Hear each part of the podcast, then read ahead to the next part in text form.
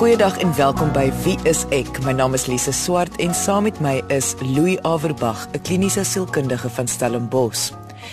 Maandag 19 Junie, in ander woorde verlede week, het die hof bevind dat die 20 jaar grasieperiode onder die wet van beperkings tot seksuele molestering verander na geen onbeperkte tydperk. So indien jy seksueel mishandel is 3 jaar gelede of 50 jaar gelede, het jy die reg om jou saak te maak. Dit is fantastiese nuus en ons is baie bevoordeel want in Amerika byvoorbeeld is daar sekere state wat jou net 6 jaar gee om na vore te kom of sekere state wat vir jou 30 jaar gee. Maar as ek nou nie vir my misgis nie, is dit ook maar net 2 of 3 state wat hierdie grasieperiode toelaat. Soos ek gesê het, is hierdie goeie nuus vir diegene wat graag 'n saak wil maak. Maar daar is altyd die mense wat nie seker is of hulle reg is om hulle storie met die wêreld te deel nie. Kort na hierdie beslissing het ons 'n brief van 'n luisteraar ontvang wat juis handel oor hierdie kwellende vraag: Moet ek 'n saak maak of nie? Ons wil graag die emosionele sy van hierdie vraag vandag bespreek. So kom ons begin deur na die brief te luister, voorgeles deur ons assistent Marie. Louis en Lise, ek is 'n vrou van 45. 32 jaar gelede het my nagmerrie begin. My oom, my pa se broer, het my betas aanvanklik, maar na 'n jaar het hy my begin gereeld verkrag. My pa het sy werk verloor en moes toe vir sy broer gaan werk. My oom het my gereeld gedreig en gesê as ek iets gaan sê, gaan hy my pa afdank en dan gaan ons ons huis verloor en my pa gaan vir ewig kwaad wees vir my. My pa was my alles. Ek wou nie gehad het dat hy my moet verwerp nie. As ek nou terugdink, vermoed ek my pa sou sy broer doodgemaak het. So dit was seker in elk geval 'n goeie idee dat ek niks gesê het nie. Kom ons stop net eers die brief daar. Louis, seksuele molestering. Waaroor gaan dit? Gaan dit oor seks met 'n kind? Oor mag of gaan dit eenvoudig net oor seks? As jy praat van seksuele molestering, ek neem aan jy praat van met kinders. Dan praat jy baie meer van 'n seksueel gedrewe daad. Natuurlik speel mag 'n rol. Ons weet dat verkrachting per se onder volwassenes is maar baie keer meer 'n daad van mag. Maar as ons praat met seksuele molestering of mishandeling verkrachting van minderjariges, praat jy van mense wat seksuele ontoepaslike gedrag het, waarvan die mees ontoepaslikste is wat ons noem pedofilie. Wa waar kinders wat regtig jonk is en ek praat van 5, 6 jaar oud, deur 'n pedofiel as seksueel prikkelbaar gesien word. In hierdie geval sit ons ook dan nou met die situasie waar ons briefskrywer was tussen 13 en 16 toe hierdie gebeur het. Wat minder dan 'n geval is van pedofilie, maar meer 'n geval is van ontoepaslike seksuele gedrag met 'n minderjarige teen haar sin. En natuurlik verkrachting is 'n baie intensiewe vorm van ontoepaslike uh, molestering aan die einde van die dag is dit meer seksueel gemo uh, gemotiveer en ontoepaslik seksueel gemotiveer. Ek wonder altyd of daar iets is wat jy vir 'n kind kan leer. Met ander woorde, meer as wanneer iets verkeerd is, moet jy dit vir ons sê. Iets wat 'n groter indruk op 'n kind se brein sal maak as die dreigemente van 'n molesteerder. Ja, ek dink ook so en daar is tans wêreldwyd daar's baie beter opvoeding hieroor. Daar's baie meer bewusmaking onder kinders. Jy weet moenie met met vreemde mense praat die hierdie tipe vrae en speletjies wat mense baie keer kinders word geleer wat 'n baie goeie ding is. Maar aan die einde van die dag bly 'n ouer persoon 'n gesagsfiguur vir 'n jong kind. En is dit baie baie moeilik vir 'n kind om teen 'n gesagsfiguur se woord in te gaan as die oom jou dreig dat hy of sy dit en dit gaan doen, dan gaan jy bang wees dat die oom daarmee kan wegkom. En natuurlik hoe jonger jy is, hoe meer is daar die waarheid. Kom ons luister verder na die skrywer se verhaal. Toe ek 16 geword het, is my pa oorlede in 'n motorongeluk. Ek voel vreeslik skuldig om dit te sê, maar ek glo dit het my lewe gered. Ons moes trek na my ma se familie, so het ons kontak met my pa se familie verloor. Ek was vry van die verkrachting. 3 jaar gelede het my ma gesterf.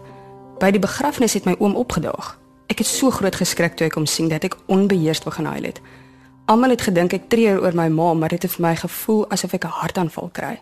Ek vermoed ek het 'n paniekaanval gekry. Ek het nie geweet hy lewe nog nie. Hy het met my kom praat asof niks verkeerd is nie. Ek het hom konstant dopgehou om te kyk of hy sleg voel of skuldig voel, maar hy het my hanteer soos die dogter van sy broer. Hy was vriendelik met almal en na die tyd groet en net weer gegaan. Die woede in my. Sy lewe het net aangegaan en myne is en was nooit weer dieselfde nie. Kom ons stop net weer daar. Louis, wanneer dit kom by seksuele molestering, wat is die implikasies oor die algemeen vir 'n volwassene wat as kind gemolesteer of verkrag is? Ek dink ons almal besef dit is sekerlik van die ergste dinge wat met 'n kind kan gebeur. Maar mense is nie altyd seker wat dit vir daardie kind as volwassene beteken nie. Ja, natuurlik en mense is individue, dit beteken nie vir almal dieselfde nie. En die ander groot faktor waarvan ons hier praat is ouderdom. Daar's 'n groot verskil gewoonlik tussen 'n uh, seksuele molestering op die ouderdom van 15, 14 as wat dit is op 3 of 4, want die kind is in 'n heeltemal 'n ander lewensfase. Maar die vraag wat dit oor hier gaan is, wat leer die kind wat as hy of sy 'n volwassene is, wat hulle dan gaan glo? En hier is 'n paar goed wat gebeur as iemand op 'n jong ouderdom seksueel mishandel word. Een is jy leer dat jy nie regtig mag het nie. Daar is mense wat goed aan jou kan doen en jy kan niks daaraan doen nie. Jy leer om bang te wees. Met ander woorde om angs te ontwikkel, om bekommerd te wees van wanneer gaan dit weer gebeur, wat gaan volgende gebeur, dis om gespanne te wees dat die lewe onveilig is. Jy leer ook dat daar nie geregtigheid is nie. Jy leer baie dinge.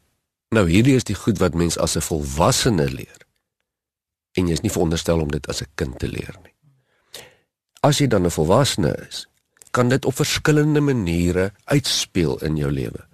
En die eenvoudigste uh, vorm hiervan is waar dit uitspeel op 'n seksuele vlak. Mense wat ernstig seksueel gemolesteer is as kinders, gaan nie goed funksioneer as volwassenes op seksuele vlak nie.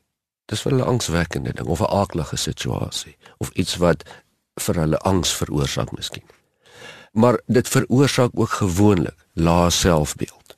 Die skuldgevoelens, die feit dat ek iets verkeerd gedoen. Daar is seker maar met my iets verkeerd want hoekom gebeur dit met my nie met ander nie? Wat het ek gedoen om dit te verdien? Al hierdie kwellende vrae wat feitelik almal mee sit wat deur so 'n situasie is. As volwassene dan maak dit op die meeste mense 'n geweldige impak op hulle lewe. Waarvan die seksuele vlak maar net een is. Watter verskil maak dit aan 'n kind indien hulle dit vir iemand gesê het en die welkom ons neem nou aan die volwassene het iets omtrent die seksuele molestering dan gedoen? Op 'n sielkundige vlak maak dit 'n groot verskil want dit beteken die beheer word teruggeneem. Die wêreld gaan nie net aan nie. Uh, dit is nie net goed sodat sulke goed gebeur nie. Dit is 'n groot gedoente en dit word duidelik geïdentifiseer dat die ouer volwasse persoon was die verkeerde party gewees as dit dan so gebeur. Dit vat dan 'n groot deel van daai skuld weg van dit was my skuld of ek het iets verkeerd gedoen of ek moes iets gesê het. Wat egter baie negatief kan wees is as jy kind vir 'n volwassene vertel en hulle doen niks daaroor nie. Dis nog baie erger want dan het jy geen meer opsies oor as 'n kind. Dan is daar niks wat jy kan doen nie. Jy luister na Wie is ek met Louie en Lise op RSG 100 tot 104 FM. So met ander woorde wat jy sê is die kind gaan nog steeds skade ervaar as gevolg van die seksuele molestering, maar wanneer 'n volwassene vir hulle opstaan, gaan dit baie van die sielkundige effek kan verminder. Ja, dit sal oor die algemeen waar wees. Hierdie oom waarna die skrywer verwys, wat gaan in sy kop aan dat hy net kon aangaan met sy lewe? Waarom voel hy enigsins skuldig? Nie dat jy nou die man se gedagtes ken nie, maar hierdie is 'n storie wat mens gereeld hoor, hoe die molesteerder aangaan asof niks verkeerd en is keerd is nie of niks het gebeur nie. En dit is gewoonlik die ergste verslagoffers. Daardie persoon wat maar net aangaan. Uh hulle lewe gaan aan, maar jou lewe is onherroepelik verander. Nou ons het nie 'n idee wat in hierdie oom se kop aangaan nie. Ons weet van hierdie een slagoffer van hom. Ons weet nie of daar ander slagoffers was nie. As daar nie ander slagoffers was nie of daar ander meisies van dieselfde ouderdomsgroep was, dan praat ons van iemand wat waarskynlik nie noodwendig pedofiel is nie, maar wat ontoepaslik seks met jong adolessente meisies wil hê en dan sy magsposisie misbruik om dit te doen. Ons moet onthou dat almal wat kinders molesteer of seksueel ontoepaslik behandel, is nie psigopate nie. Nie almal nie. Maar die meeste mense voel maar skaam en skuldig daaroor. As mens kyk na pedofilie oor die algemeen, is baie grootliks 'n impulsbeheer verstoring. Nou ek sê nie dis 'n verskoning of maak dit meer aanvaarbaar nie baie mense wat pedofiele is, kan eenvoudig dit nie beheer nie, maar hulle voel ook baie keer baie sleg daaroor. So dit gaan geweldig afhang van wat in die persoon se kop aangaan. Wat dit ook al is, is nie positief nie, want jy kan tog nie regverdig in jou kop dat dit aanvaarbaar is nie. So mense kry maar gereeld maniere om dit vir hulle self te regverdig uh of of of 'n manier om met die skuldgevoel saam te leef of as daar nie 'n skuldgevoel is nie, gaan dan maar net eenvoudig aan en hoop jy word nie uitgevang. Ons bespreek vandag een brief van 'n luisteraar wat nie seker is of sy na 32 jaar haar seksuele molesteerder moet aankla nie. Dit is 'n lang brief, so ons breek dit op in stukke. Indien jy nou eens ingeskakel en graag die eerste deel van ons bespreking wil hoor, kan jy na die pot gooi van vandag se episode gaan luister op RSG se webwerf. Dit is rsg.co.za. Sover het ons gehoor hoe hierdie vrou 32 jaar gelede, toe sy 13 was, seksueel gemolesteer en verkrag is deur haar pa se broer tot die ouderdom van 16. 3 jaar gelede het sy vir die eerste keer haar oom weer gesien. Kom ons beweeg aan met haar brief, voorgeles deur ons assistent, Marie.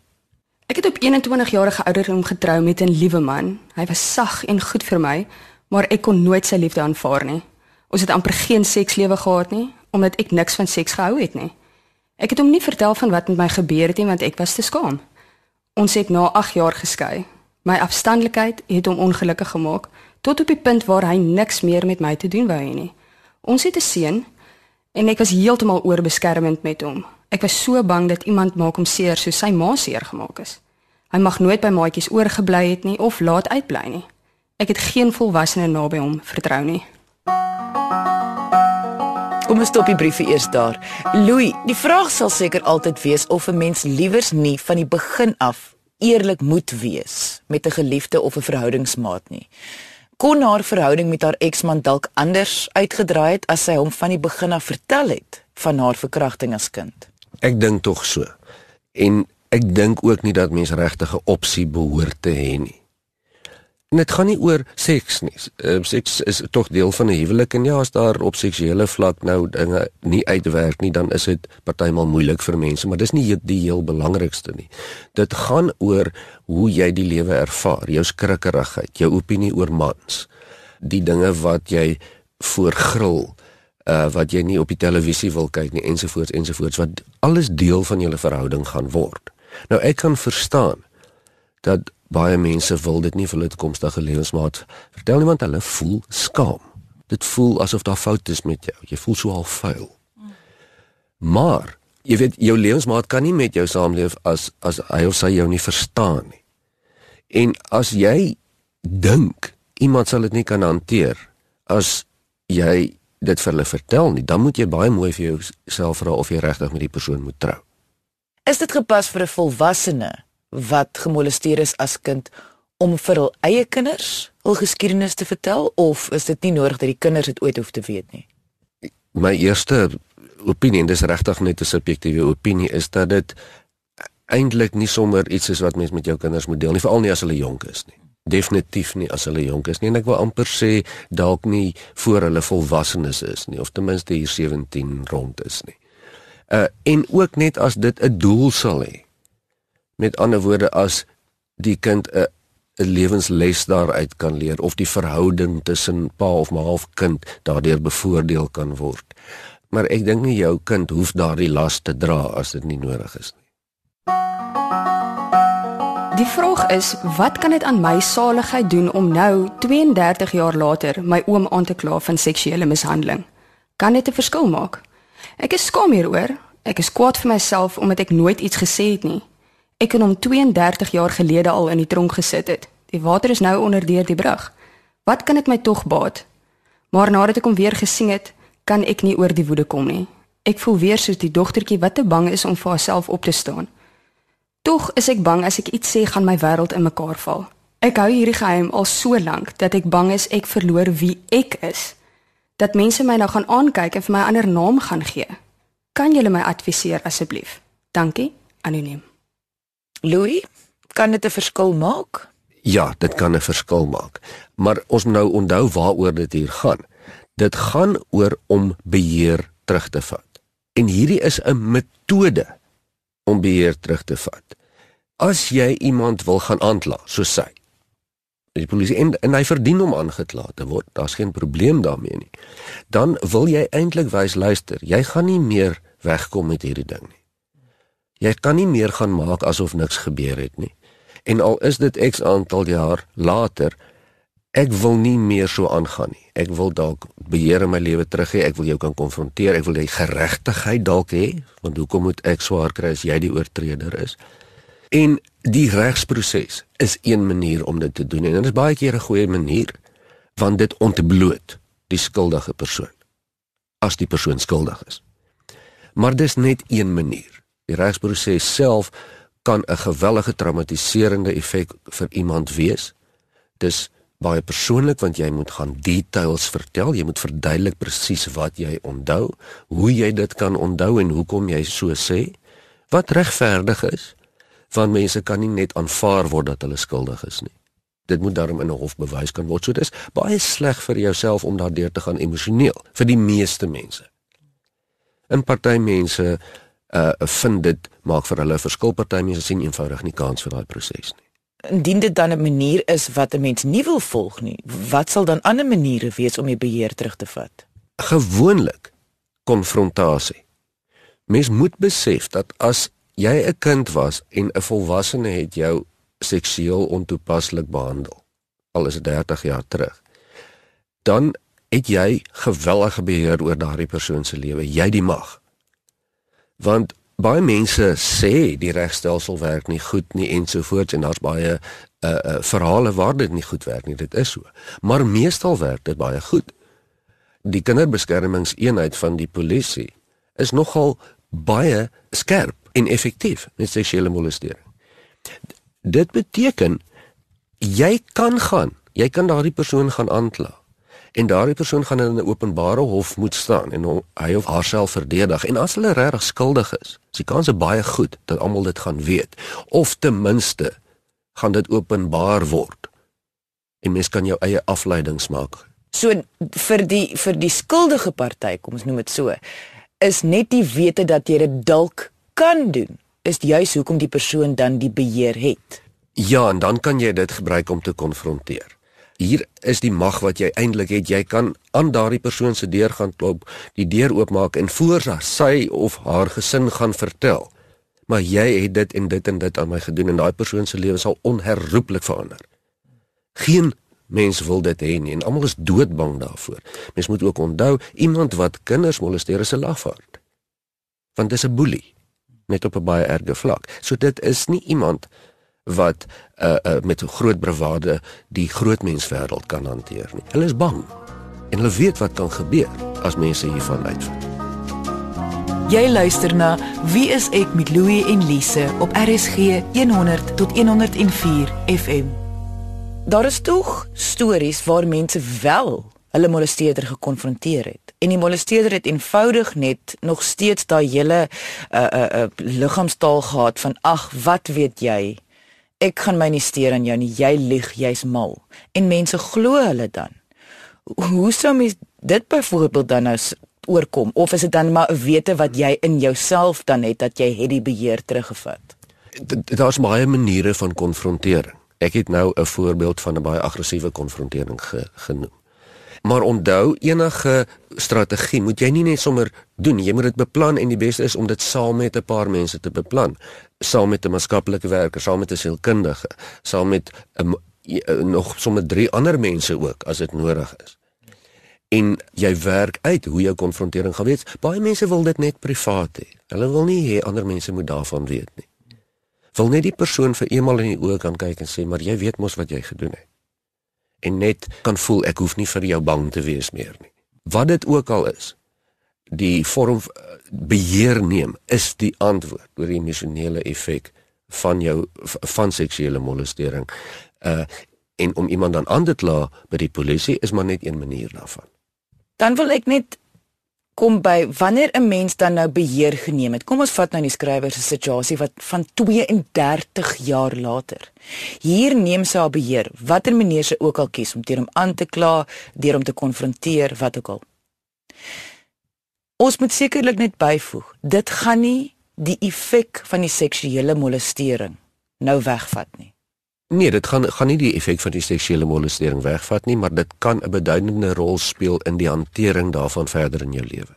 En natuurlik sit jy nog steeds met daardie skade. Nie almal sit met skade nie, maar die meeste mense sit met skade. Miskien is dit posttraumatiese stres, miskien is dit lae selfdink, uh, wat dit ook al is.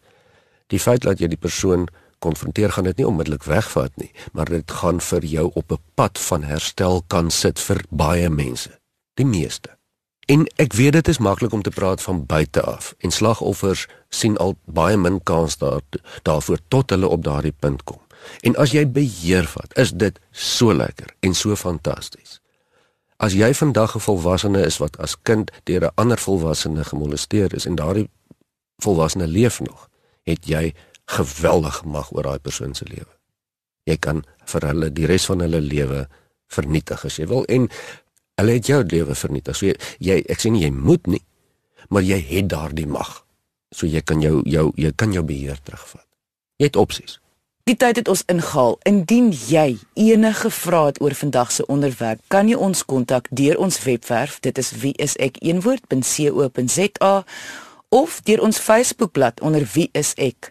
Onthou alle briewe wat ons ontvang word net deur my en Louis gesien. Indien ons dit op ons program bespreek, sal ons eers jou toestemming vra en seker maak alle besonderhede word uitgehaal wat dalk jou identiteit kan verklap.